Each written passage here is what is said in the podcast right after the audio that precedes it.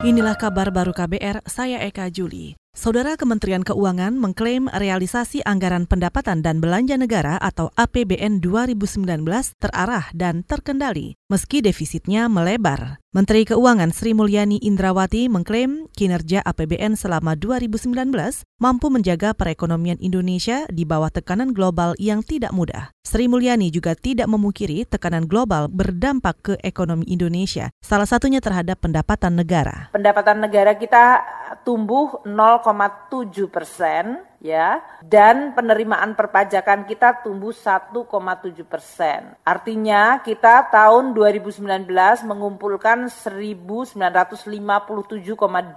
triliun atau 90,4 persen dibandingkan target awal. Menteri Keuangan Sri Mulyani juga menambahkan, realisasi belanja negara 2019 sebesar 2.300 triliun rupiah lebih dari yang dianggarkan pemerintah. Secara keseluruhan, pertumbuhan belanja negara di 2019 mencapai 4,4 persen.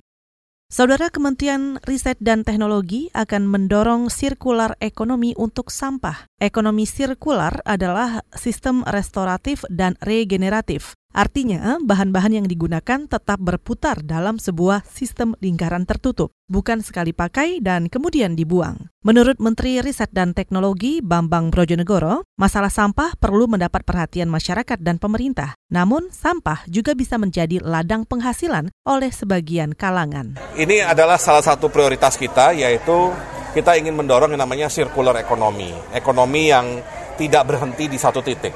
Nah, kuncinya adalah sampah-sampah yang dihasilkan dari berbagai bentuk itu yang harus bisa diolah kembali. Menteri Riset dan Teknologi Bambang Brojonegoro juga menambahkan, kunci dari riset itu adalah bagaimana cara tepat mengelola sampah dari berbagai bentuk. Kementerian Riset dan Teknologi juga mendorong proposal-proposal penelitian untuk mengembangkan pengelolaan limbah sampah, termasuk sampah radioaktif dari pengobatan nuklir.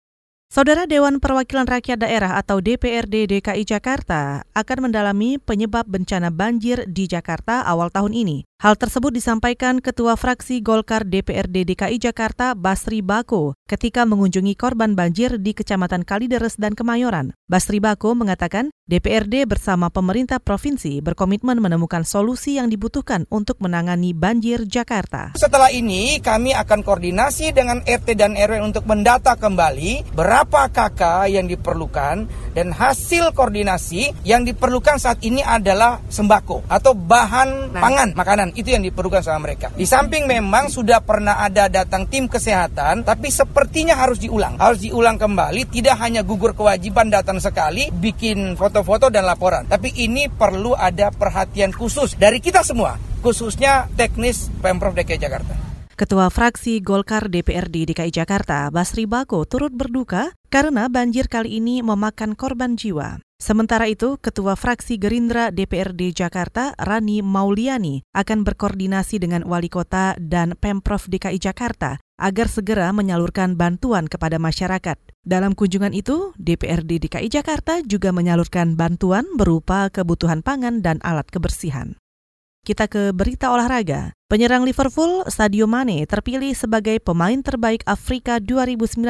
Mane mengalahkan rekan satu timnya Mohamed Salah dan winger Manchester City Riyad Mahrez di Mesir. Penghargaan itu merupakan yang pertama bagi Mane dalam karir sepak bolanya. Gelar tersebut menjadikannya sebagai pemain Senegal kedua yang meraih pemain Afrika terbaik setelah El Hadji Diouf pada 2001 dan 2002. Saudara demikian kabar baru, saya Eka Juli.